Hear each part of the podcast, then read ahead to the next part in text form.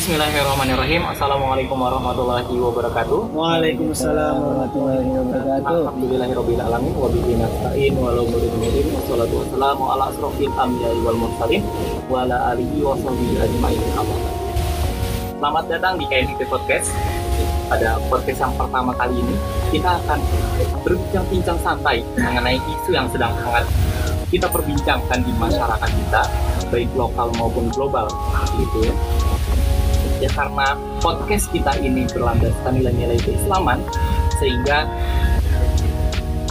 ke depannya kita akan membahas juga mengenai pandangan Islam terhadap isu yang sedang terjadi ini. Walaupun keterbatasan gerak kita, ya, walaupun dengan keterbatasan gerak kita, tentunya tidak akan menyurutkan semangat kita untuk terus berkontribusi aktif terhadap dakwah ini tapi sebelumnya aku nih ada apa nih Oh iya nggak apa-apa. mengganggu waktunya Iya. di sela-sela di tengah himbauan pemerintah Oh, iya, betul. mengisolasi diri seperti itu Iya iya iya.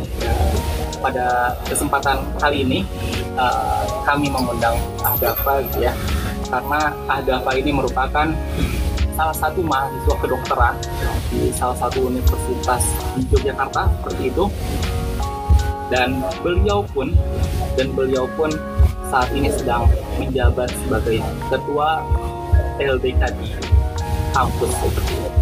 Oke, langsung saja kita akan membahas mengenai isu yang sedang sangat diperbincangkan di tengah masyarakat kita ini mengenai penyebaran virus corona seperti itu. Karena sesuai data yang sudah aneh lihat, sudah aneh lihat ini bahwasanya sudah 120 negara itu terdampak dari adanya penyebaran virus corona ini.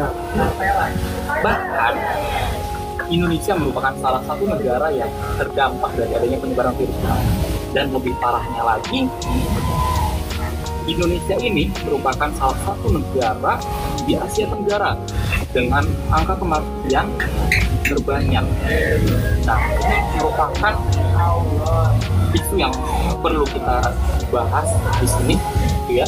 Tetapi tetap kita akan berbincang-bincang santai, Iya gitu ya. Santai aja. Jadi kita akan uh, berbincang-bincang apa sih itu corona dan uh, sejarahnya mungkin ya sejarahnya atau apakah sebelumnya sudah terjadi atau corona ini merupakan sesuatu yang baru di tengah masyarakat kita. Uh, menurut antum juga selaku mahasiswa kedokteran yang uh, mungkin sudah banyak membahas gitu ya dan mendapatkan materi mengenai corona ini gitu ya. Jadi menurut antum apa sih corona itu? Oke. Siap. Jadi Enos jawab aja nih ya. Oke.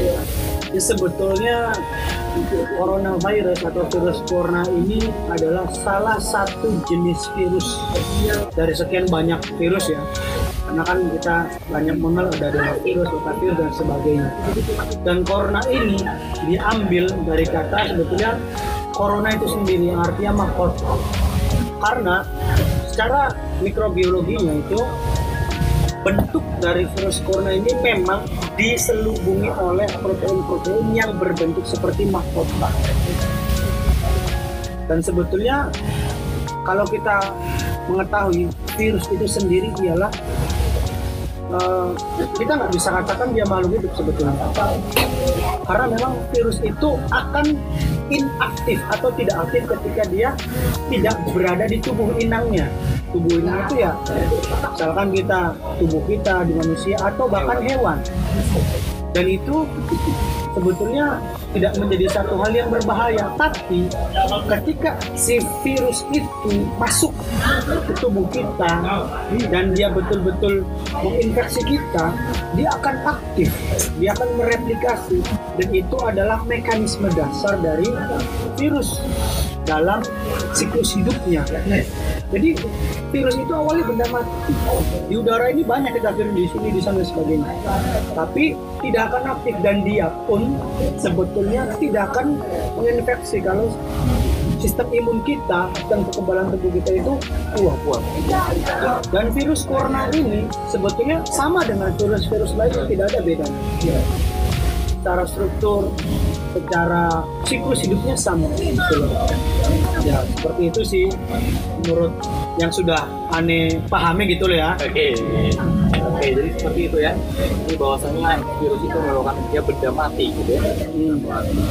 Tapi uh, mungkin bisa dijelaskan juga mengenai sejarahnya dari uh, virus tersebut dari corona tersebut dan apakah corona ini merupakan bisa suatu hal yang baru atau emang sudah terjadi? Oke. Eh, sebetulnya coronavirus ini bukan temuan yang baru ah sebetulnya. Dari beberapa jurnal yang aneh baca itu memang dia mempunyai sejarah yang cukup panjang. Yang sebetulnya kita awali dengan sebuah pandemik yang cukup eh, menyita perhatian global gitu. Yang ketika itu tahun 2002 kalau saya nggak salah itu ada yang namanya SARS. SARS ini sebenarnya severe acute respiratory syndrome atau mana dia itu uh, sindrom akut pernapasan yang parah. Karena memang dia menyerangnya ke saluran pernapasan ke sistem pernapasan kita, sesak napas dan sebagainya. Dan itu adalah salah satu jenis coronavirus juga ternyata. Yang tapi ketika itu SARS ini eh, angka kematiannya memang masih di angka sekitar ratusan ya, ratusan korban jiwa. Banyak berarti ya. Dan kasus positifnya memang eh, 1.500 ketika itu. Namun ternyata tidak berhenti di situ.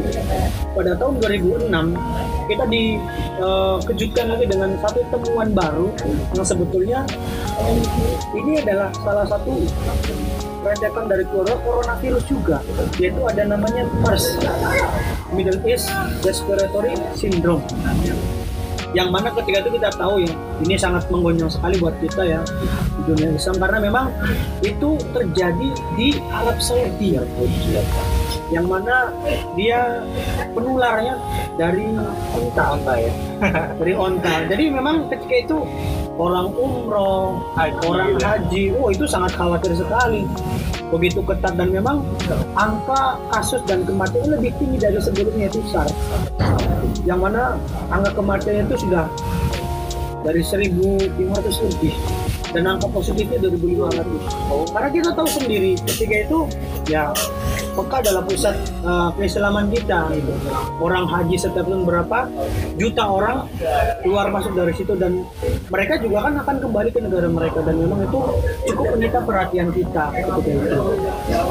Ya memang ketika itu kita cukup kewalahan akhirnya tapi kita bisa menangani itu juga. Nah ternyata orang virus ini tidak berhenti sampai di kasus MERS itu ya. dan hari ini ya Desember 2019 ternyata kita dikejutkan lagi dengan satu temuan baru sebetulnya ya walaupun nggak baru-baru amat ya sebetulnya ya. Karena memang masih rentetan 2002. coronavirus gitu lah ya. dengan mirip gejala apa nih mirip tapi dari berdasarkan risetnya ini coronavirus yang kita hadapi sekarang ini cukup berbeda. Karena kenapa? Dia mengalami mutasi atau perubahan gen dari virusnya itu sendiri. Jadi memang kami dari apa ya tenaga kesehatan, tenaga medis dan para itu mungkin akhirnya terkejut gitu. Yang awalnya vaksin SARS itu bisa menangani coronavirus ini ternyata buat yang ini beda. Kita tidak bisa untuk mengatasi dengan mudah gitu. Nah, kita mencari lagi dan memang ini virusnya baru dari keluarga coronavirus baru ya. Nah itu memang akhirnya dari kita merasa, aduh, betul-betul mengejutkan sekali gitu loh. Sampai akhirnya menjadi pandemik global. Yang memang awalnya ya kita sudah sama-sama tahu ya banyak informasi juga di pemberitaan. Memang ini berasal dari Wuhan, Cina yang secara uh, data yang kita dapatkan penyebaran utama itu dari sebuah market atau pasar ketika ya pasar tradisional yang di situ memang menjual beberapa hewan yang menurut kita ya orang Indonesia itu hewan eksotis yang misalkan kelelawar, bisa juga ular gitu ya ya hewan-hewan yang sebetulnya uh, bagi kita mungkin tidak biasa tapi bagi mereka biasa. Dan kita juga sebetulnya uh, melakukan beberapa, beberapa penelitian untuk hal itu mengujinya gitu uh, dari salah satu penelitian yang kita lakukan gitu ya. Mungkin nanti bisa dibaca salah satu pemberitaan bahwasanya dari penelitian di Unair memang di kelelawar itu sudah ada coronavirus gitu. tapi itu sebetulnya apa ya jadi satu yang berbeda coronavirusnya dengan yang kita hadapi sekarang maka kita melihat itu dari Wuhan di sana itu penyebarannya begitu cepat. Nah, kita membahas juga ya ini ke penularannya dan sebagainya. Jadi memang virus ini ya kayak tadi ya, dia itu makhluk hidup yang sebetulnya uh, tidak akan hidup kalau tidak masuk ke tubuh Orang virus ini sebetulnya awalnya awalnya itu menyebar dari hewan ke hewan saja ya mungkin mers hewan manusia tapi tidak ada kasusnya ketika itu manusia ke manusia. Maka coronavirus COVID-19 ini berbeda itu seperti itu jadi bisa menyebar melalui ya orang ke orang gitu. Yang awalnya nggak bisa maka memang menjadi satu perhatian yang betul-betul diseriusi sekali di dunia kesehatan pada hari ini itu loh. Yang mana dia itu penyebarannya ya, dia tuh bisa melewati droplet atau ketika kita bicara seperti ini ada ya mungkin uh, air liur yang dari ini lah, keluar dan sebagainya gitu. Dan itu menjadi satu media yang uh, cukup berbahaya karena coronavirus bisa menyebar dari situ. Dan itu pun ketika kita uh, mengeluarkan droplet-droplet seperti itu bukan saja kita ke lawan bicara kita misalkan kita batuk kita bersin dan sebagainya itu kan otomatis akan menempel ya, atau di udara nah sebetulnya coronavirus ini dia akan bertahan dalam rentang waktu atau interval waktu yang berbeda-beda tergantung dari benda yang dia uh, di situ. Contoh misalkan coronavirus itu hanya akan bertahan tiga jam di udara. Tapi beda ketika dia di kayu yang seperti di meja, bangku dan sebagainya itu dia bisa bertahan sampai 10 jam bahkan 24 jam itu Beda lagi dengan stainless steel. Stainless steel ketika coronavirus itu menempel di situ, dia bertahannya hanya sampai 10 atau 12 jam. Terus beda lagi untuk kertas dia juga bisa menempel di kertas. Bahkan kertas itu dengan rentang waktu yang cukup lama, 4 sampai 5 hari. Dan yang paling lama itu dia akan bisa bertahan lima hari ketika dia menempel di material yang berbahan plastik. Maka sebetulnya memang ini menjadi satu concern kita ya harus sama-sama menjaga dan kita mengusahakan betul ya baik kita menjaga diri maupun kita pun menghimbau kepada orang-orang. Contoh kadang kita masih menemukan ya ketika batuk yang kurang betul. Kadang kita batuk ini dan sebagainya. Padahal itu ya jadi salah satu penyebab juga. Karena kita batuk begini selalu kita bersalaman dan sebagainya kita tidak tahu. Maka sebetulnya kalau kita batuk itu nggak apa ya. Ya ini kasih tahu sedikit ya. Misalnya kita batuk itu kita tertutupi dengan itu buku baju kita atau misalnya kita begini menutup. Jadi kita tidak secara langsung dengan telapak tangan kita atau kita bawa sapu tangan tisu kita tutup. Gitu loh. Kalau kita sedang sakit ya kita pakai masker ya. masker dengan yang cara yang benar seperti itu. Maka itu pun bisa mengurangi apa namanya eh, penyebaran virus itu dari orang ke orang tapi sebetulnya gimana? Ini apa yang sebahayanya coronavirus itu gitu. sebetulnya yaitu tadi ya virus itu dia bisa menginfeksi orang menyebabkan penyakit. Sebetulnya karena dua hal. Yang pertama jumlahnya banyak. Yang kedua sistem imun kita kekebalan tubuh kita lemah atau melemah. Nah ini yang sebetulnya hari ini masih apa belum banyak orang mengetahuinya. Kalau kita mempunyai gaya hidup sehat memakan sayuran gitu buah-buahan gitu. buahan dan sebagainya sebetulnya itu akan membuat imun kita lebih Kuat. apa namanya? Lebih kuat. Maka saya ibaratkan begini ya.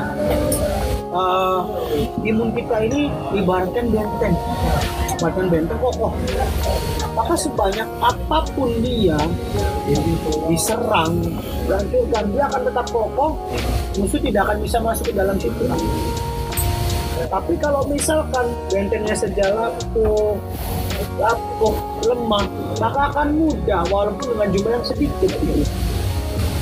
Tapi boleh juga gitu. Karena virusnya terlampau sangat banyak, kita tidak bisa membendungnya dengan kondisi yang mungkin sedikit drop dan sebagainya, maka itu pun akan mudah ditembus kekebalan tubuh kita. Dan sebetulnya inilah mekanisme dari coronavirus itu. Dia tidak menimbulkan penyakit, tapi dia sebagai uh, reseptor atau jalan masuk penyakit. Maka memang uh, kita miripkan juga ya mekanisme itu seperti HIV AIDS. Karena dia melemahkan sistem imun. Maka sebetulnya kita tidak boleh apa ya sampai ya terlalu parno lah, stres dan sebagainya. Justru itu akan menyebabkan imun kita, kekebalan tubuh kita menurun. Dan itu akan mudah untuk coronavirus masuk ke tubuh kita gitu. masuk dan melemahkan lagi gitu. Udah lemah makin lemah. Nah itu yang sebetulnya akhirnya wah iso- isolasi dan sebagainya stres. Nah itu sepertinya harusnya dihindari seperti itu. Nah setelah dia menginfeksi kita, melemahkan kita, nah inilah yang berbahayanya penyakit lain yang akan masuk. Banyaknya kasus dari yang terjadi sampai hari ini ya. Eh, sudah hampir seribuan yang meninggal itu ternyata bukan coronavirus tapi apa? Kuman yang menginfeksi setelahnya. Contohnya yang paling banyak itu ada terinfeksi oleh pneumococcus pneumococcus itu adalah salah satu bakteri yang cukup berbahaya di saluran nafas manusia yang mana dia akan menyebabkan pneumonia. Di pneumonia itu kalau kita buka struktur paru ya, paru itu kan tempat kita tukar oksigen, bernapas gitu. Di situ ada namanya alveolus yang buat pertukaran itu. Nah di situlah nanti si bakteri ini akan menyebabkan alveolus itu penuh dengan cairan.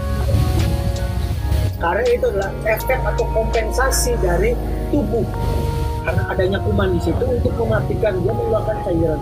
Maka kita kadang batuk berdahak, sesak. Nah itulah yang sebetulnya berbahaya setelah coronavirus infeksi kuman-kuman yang masuk setelahnya.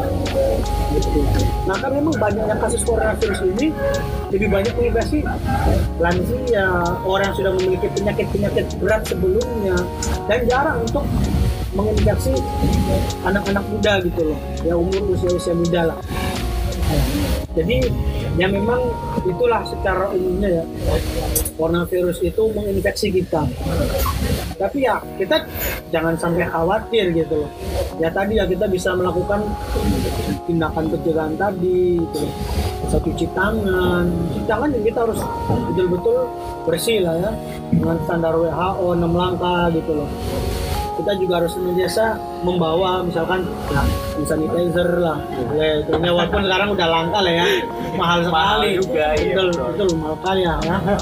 tapi kita juga bisa sebetulnya membuat hand sanitizer secara ya, dengan ekstrak sirih, ekstrak jahe, ekstrak kita ekstraksi di minyak sirihnya itu mempunyai efek anti mikrobal. Gitu. Ya kurang lebih itulah gambaran umumnya ya secara ininya yang update sekarang ya yang anda dapatkan gitu loh dan memang di Indonesia sendiri ini menjadi kasus yang betul-betul sangat mengguncang sekali ya masyarakat Indonesia karena dalam rentang waktu kurang dari dua minggu saja sudah 300 lebih yang positif. Dan yang meninggalnya sudah 25 dan itu angkanya diprediksi akan terus bertambah. Dan puncaknya yaitu secara prediksinya di bulan Ramadan. Semoga kita betul-betul bisa menjaga diri dan kita harus juga mendoakan lah kita saling mendoakan saling menguatkan dan kita harus bisa juga apa ya mematuhi arahan dari pihak-pihak berwenang ya yang waktu ini pemerintah dan Kementerian Kesehatan kesehatan setempat. ya tadi kita sudah sama-sama mendengarkan gitu ya penjelasan dari Ahdapa ini ya mengenai virus corona yang memang sangat menyita perhatian publik sekali gitu ya ya tadi betul yang disampaikan oleh Ahdapa gitu ya bahwasannya ya kita sampai panik Iya, dengan betul. kondisi seperti ini kita panik kita Pastilah ketika panik. ingin keluar kita coba dihantui oleh rasa takut dalam Betul, kita, gitu ya. betul. Ada pasti rasa kekhawatiran itu. Nah, tapi ya ini, alhamdulillah kan, eh, ya kita bisa bertemu ya di tempat ini gitu ya. Ada apa bisa keluar gitu ya. Padahal saya khawatir juga nih. saya khawatir kalau ke fasilitas publik itu ya kita nggak tahu ya. Cuman Bismillah aja. Apa sih yang nggak berdakwah gitu kan? Betul sekali gitu ya. Ya ketika ya betul ketika berbicara mengenai dakwah ya mungkin ketika sarana lain ditutup ya kita tidak bisa melakukan dengan sarana tersebut ya kita perlu mencari gitu ya, sebagai aktivis dakwah ya kita perlu mencari sarana lain gitu ya untuk Betul. uh, dijadikan media dakwah kita gitu ya. ya ini ya sebagai uh, salah satunya ya, Iya. pembuatan podcast Betul. seperti Ya alhamdulillah lah. ya semoga tentunya ini hal berma ya bermanfaat gitu ya bagi orang uh, masyarakat sekitar gitu Ya. Nah tadi kan ada apa sudah menyebutkan ya bahwasanya uh, ternyata ya, virus corona ya, virus corona ini awalnya menyebar dari hewan ke manusia lalu sekarang Manusia ke manusia. Iya. oleh karena itu mungkin makanya pemerintah mengambil tindakan untuk meng- menghimbau gitu ya kepada masyarakat untuk mengurangi aktivitas di luar. Satu. Masih bersama kita di MT Podcast. Jadi alhamdulillah tadi kita sudah sama-sama membahas mengenai virus corona dalam sudut pandang medis gitu ya umumnya secara umum. Nah, tetapi pada kesempatan kali ini kita akan coba berbincang-bincang lagi gitu ya sedikit banyaknya mengenai virus corona dalam pandangan Islam. Nah, sebenarnya virus corona ini sudah pernah terjadi belum sih? Atau pernah nggak sih uh, kalau terjadinya penyakit yang serupa pada masa zaman ke- kenabian dulu? Jadi, oke. Jadi kalaulah kita membaca lagi sirah perjalanan mungkin dari eh, sahabat, Nabi Soleh, sampai tabiin tabiin, sebetulnya memang ya kita tidak mengetahui ya. Memang virus ini istilah baru yang kita ketahui. Cuman dalam beberapa literatur yang apa diabadikan itu bahwasanya kaum muslimin pernah mengalami suatu keadaan yang memang di situ ada penyakit yang membahayakan bahkan menular. Kita sama-sama tahu bahwa saya dulu kaum muslim pernah mendapati sebuah cobaan ya, sebuah penyakit namanya taun. Taun ini memang ya menyerangnya ke kulit, gitu, ya, ke kulit dan sebagainya. Yang memang ketika itu jadi cukup eh, perhatian juga ya bagi ketika ketika itu ya. Eh, harus betul-betul dibatasi penyebarannya karena memang satu penyebarannya cepat dan memang membahayakan seperti itu. Dan ketika itu dalam konteksnya eh, pada zaman Amr bin ketika nah ketika itu memang Amr bin As ini diamani sebagai pemimpin ketika itu mempunyai beberapa langkah sebetulnya untuk apa ya sama-sama menanggulangi penyakit tahun itu. Yang salah satu memang ya kita dapati sekarang juga ya itu jadi salah satu ikhtiar dan ikhtiar juga seperti itu. Eh, membatasi betul interaksi sosial banyak orang. Contoh ya yang memang cukup ya, eh, sedih juga ya karena memang sama juga dengan ketika itu jelas memerintahkan kepada rakyatnya untuk sholat di rumah terlebih dahulu. Yang mungkin kita mendapat pemberitaannya persis seperti di Dubai. Bahkan di Arab Saudi hari ini bahkan sampai azannya itu dirubah redaksinya kalau boleh kita tahu ya. Solusi buyutin sholatlah kalian di rumah-rumah kalian. Karena memang ya kita tahu gitu loh ada salah satu kaidah fikih mengatakan darul masal mafasid uh, muqaddam ala jalbil masalih bahwasanya kita lebih baik mencegah keburukan daripada mendapatkan sebuah kemaslahatan. Karena ya kalau sudah kena kan ya ya kita nggak tahu resiko selanjutnya gitu loh. Maka lebih baik kita mencegah. Maka itulah ikhtiar dan yang sebetulnya ketika itu pun dilakukan. Mereka sholat di rumah-rumah. Tapi memang kaum muslimin pernah mendapati sebuah bencana penyakit pandemi seperti ini dulunya gitu loh ya seperti itu sih ya. Jadi seperti itu ya. Jadi ternyata uh, ya kaum muslimin pun pernah iya betul. gitu ya, pernah. Uh, penyakit hal yang serupa dengan penyebarannya sangat cepat gitu ya. Mm-mm. sehingga pada saat itu ya interaksi kita dibatasi gitu betul. Sama, sama dengan kondisi kita saat ini. Iya karena tadi penyebarannya itu kita kurangi. Alhamdulillah tadi kita sudah sedikit flashback gitu ya uh, ke masa lalu gitu ya. Dari zaman bersama para sahabat gitu bagaimana kita ini menurut dalam berbicara mengenai penyakit yang serupa gitu ya, ternyata pernah terjadi di masa lalu juga. Nah uh, pada kesempatan kali ini kita akan berbincang-bincang lagi gitu ya mengenai ya karena amanah kita sebagai aktivis dakwah kampus. Oh ya lalu bagaimana sih respon yang uh, perlu kita lakukan ya terhadap uh, virus corona ini dan langkah apa sih yang perlu kita lakukan ke depannya? Oke baik beberapa. Oh sebetulnya ya kalau aneh pribadi memang cukup ini juga ya membatasi gerak ya secara secara ini ya. Karena memang kita basisnya ya namanya dakwah kampus ya kita objek. Garapannya emang di kampus, gitu. dan memang banyak orang ya. Lantas gimana kalau kampusnya ditutup kita disuruh dirumahkan sebagainya objek harapan kita ke mana? Mungkin itu yang sebetulnya banyak dari teman-teman aktif dakwah kampus hari ini. Gitu ya. Gimana sih sebetulnya? Iya. ya kita juga sebetulnya eh, bukan saja berbicara sebagai seorang aktif dakwah kampus gitu, tapi memang kita sebagai ya generasi muda di sini itu tidak menyurutkan langkah kita dan membatasi kreativitas kita untuk senantiasa tadi ya seperti antum tadi katakan kan berkontribusi aktif untuk berdakwah kita nggak ya nggak nggak usah kehabisan akal gitu. Loh Iya. karena kita juga sekarang semakin canggih lah. Ya kita punya media-media apa setiap apa namanya uh, LDK juga punya gitu loh. Misalkan akun Instagram misalkan akun YouTube dan sebagainya Twitter dan sebagainya. Maka sebetulnya langkah yang kita bisa lakukan itu ya itu sebagai respon kita ya.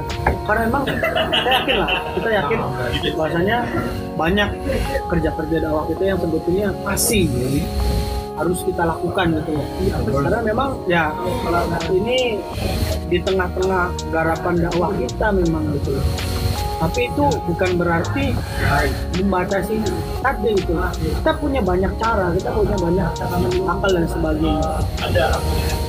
Nah di samping itu kita juga harus siap sedia dan cepat kira-kira respon dan langkahnya seperti apa. Kalau aneh pribadi memang ya kan, untuk hari ini ya aneh pribadi memang eh, menghimbau kepada teman-teman di LDK juga itu untuk ya senantiasa menjaga diri mengikuti himbauan.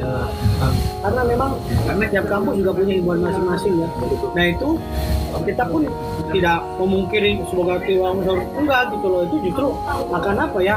Ya kita jangan sampai uh, katakanlah uh, jadi senjata makan tuan tapi kita juga mengikuti patuh dengan protokol yang ada. Ada itu pun jadi salah satu istihad yang dilakukan dengan pihak yang berwenang gitu loh. Maka lakukan himbauan itu juga silahkan di rumah sana tapi itu tidak berarti menghentikan aktivitas kita dalam berdakwah berkontribusi itu tadi.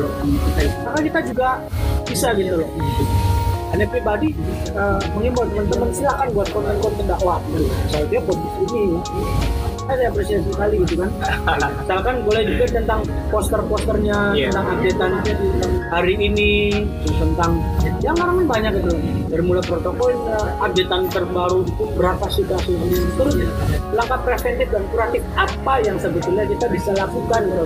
dikemas dengan media dakwah itu nah itu sebetulnya nilai dakwah kita hari ini di lain sisi kita juga bisa mengadakan contoh eh, komunikasi atau rapat interaktif. Kita merumuskan misalkan ingin membuat eh, seminar online webinar dan sebagainya. Di lain sisi kita juga senantiasa dakwah dengan jempol-jempol kita jangan mengajak ah udah salat duha Iya. belum? Saling mengingatkan. iya betul tilawahnya gimana nih Iya. itu, itu menjadi salah satu yang harus kita senantiasa pikirkan juga di lain sisi kita memikirkan diri kita pribadi kita tidak menutup mata juga untuk senantiasa menghimbau gitu ya. Ya, karena ya walaupun dengan banyaknya waktu luang kita hari ini maka sebetulnya itu bukan menjadikan kita harus banyak berleha-leha tapi itu adalah peluang dakwah yang sangat besar.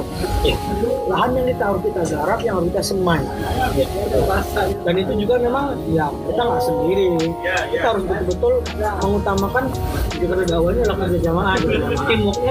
diutamakan maka silakan situ. Saya yakin ya ini yakin pribadi banyak lah istilahnya grup-grup di situ maka silakan komunikasi diaktifkan? Atau misalkan mau apa namanya meeting interface boleh gitu loh ya. Boleh silakan. Maka itu bisa menjadi sarana kita untuk eh, menjaga ukhuwah kita juga. Dan kita ya tahu juga kondisi teman kita gitu loh. Menjaga lah intinya di situ sih Oke, betul sekali gitu ya tadi yang sudah Anda sampaikan gitu ya bahwasanya dengan keterbatasan gerak kita gitu sebagai aktivis Jawa Kapur ya kita perlu mencari solusi lain gitu ya. Kita perlu uh, mencari sarana lain untuk dijadikan sebagai media dakwah kita. Jadi ya, tadi sudah disampaikan gitu ya bagaimana sih respon yang kita lakukan? Langkah apa yang kita lakukan ya? Itu sudah disampaikan oleh Bapak. Oke, ini yang terakhir ah. Jadi alhamdulillah tadi kita sudah sama-sama membahas gitu ya panjang lebar mengenai virus corona dan oh ya sudut pandang secara medis. Lalu tadi pun kita sudah membahas mengenai virus corona dalam sudut pandang Islam. Iya. Nah, lalu ini yang terakhir eh, kita nih sebagai pemuda ya, oh ya kita oke masih pemuda kan ya? Hmm. ya nah, kita sebagai pemuda sebenarnya kontribusi aktif apa sih yang uh, harus kita berikan terhadap lingkungan sekitar kita dengan kondisi yang kita seperti ini dengan keterbatasan kita seperti ini. Oke. Jadi sebetulnya memang ya ini juga menjadi tantangan kita sendiri ya sebagai pemuda gitu ya. Memang ya ini menjadi satu apa ya pembuktian kita sebetulnya ya. sebagai kesiapan kita generasi penerus bangsa gitu ya. Tidak menutup mata juga gitu loh. Bahwasanya ini kerja-kerja mungkin mereka aja yang memang mengatakan udah sudah tidak. Tapi kita juga bisa melakukan sumbangsi-sumbangsi yang banyak untuk uh, membantu mereka. Contoh misalkan paling tataran yang kita bisa lakukan ya paling kecil adalah kita mematuhi betul protokol yang telah disebarkan dari pemerintah pusat Kementerian Kesehatan di Indonesia setempat untuk kita laksanakan dengan baik. Kalau kita harus isolasi, kita nggak boleh ya have fun, kita nggak boleh traveling ke mana-mana, ya tolong lakukan itu. Itu selaku muda apa kita mahasiswa gitu kan, itu kita harus betul-betul sadar bahwasanya himbauan dibuat itu memang salah satu untuk melindungi kita sendiri gitu loh. Bukan berarti dengan kita diliburkan dengan kita di off kan itu menjadi satu kegembiraan kita untuk ya tadi ya ya pemuda kan ya fun gitu kan. Ya. lagi tugas kuliah banyak kita ternyata kosong itu kan lebih banyak. Bukan itu sebetulnya esensinya tapi kita paling minimal adalah mematuhi protokol yang ada gitu. Bagus yang kita bisa sumbangsikan lagi gitu loh. Lebih dari itu adalah kita betul-betul memberikan bantuan baik secara moral maupun material. Contoh ya. Kita jangan sampai gitu loh ya oh, mendapatkan kabar yang kurang bagus kita langsung sebar-sebar saja gitu enggak. Tapi kita juga harus senantiasa memperbaharui pengetahuan kita sendiri gitu. Update beritanya jurnalnya gitu loh. Dan kita bisa menyebarkan informasi yang kita dapatkan itu yang tentunya valid gitu kan itu ke keluarga kita teman kita ada bantuan moral di situ. Nah kan kalau kita hidup dari itu ada bantuan materi gitu loh. Sudah banyak hari ini memang ya karena tadi ya kepanikan yang timbul adalah banyak orang-orang itu misalkan APD atau ini eh, sanitizer ini harganya sudah mahal sekali Iya betul. masker saja sudah langka gitu Iya. kan aduh uangnya begini banget tuh gimana gitu kan dan akhirnya banyak dari dan ini juga digagas oleh para para pemuda-pemuda kita juga gitu dan mereka eh, apa namanya melakukan donasi membuka donasi Iya. untuk mereka membelikan satu sanitizer lah terus masker. dan sebagainya. Dan memang didistribusikan bagi mereka yang betul-betul nggak mampu. Iya. bayangkan aja gitu loh ya. Bayangkan aja. Kita kadang nggak sadar kita pun akan mencelakakan saudara kita sendiri. kita menghabiskan stok yang di pasar mereka yang nggak mampu membeli harga tinggi gimana gitu kan? Nah itu pun sebetulnya harus kita perhatikan. Bukan saja kita apa ya memperhatikan sendiri tapi lebih dari itu kita sebagai seorang pemuda gitu loh harus memikirkan itu juga. Sosial kemasyarakatan kita gimana minimalnya apa itu kan? Jangan sampai kita menyebarkan. Sungguh-sungguh kita melakukan sebangsi lebih dengan menyumbangkan itu tadi dan kalaulah kita lebih apa namanya lebih keren lagi ya kadang-kadang ada betul-betul nih secara mandiri produksi itu kita gratiskan. Dan kita udah udah bisa dibuat seperti cara tadi ya dari mulai ekstrak serai, jahe, daun sirih gitu loh kita ambil tidak itu dan sebarkan apa namanya hand sanitizer cadangan. dan memang sebetulnya bahannya sangat mudah sekali ditemukan di sehari dan kita jangan sampai menjadi apa ya eh, orang yang juga gitu loh. Kita sebagai kaum terpelajar harusnya tidak mudah untuk istilahnya yang Mempercayai. percayai gitu loh. Kan. ya kita harus betul-betul kan kalau dihimbau itu tolong jangan panik gitu. jangan sampai istilahnya kita dianggap orang sebagainya. Hal itu yang sebetulnya lebih membahayakan. Stok pasar habis sembako habis orang bisa makan. Kan nggak langsung mencelak negara kita sendiri gitu loh. Maka dari itu kita betul-betul memikirkan secara luas sekali komprehensif gitu. Jangan sampai banyak apa ya eh, orang-orang yang malah dirugikan dengan apa yang kita lakukan itu sih Oke, jadi seperti itu ya. Hmm. Ya, Sobat dakwah tadi agama ini sudah memberikan. ya orang lebihnya begitulah Jadi kontribusi kita ternyata banyak juga ya. banyak sekali sebetulnya Kontribusi yang bisa kita lakukan itu ternyata banyak. Kita di dengan kita uh, menaati aturan yang sudah diberlakukan gitu.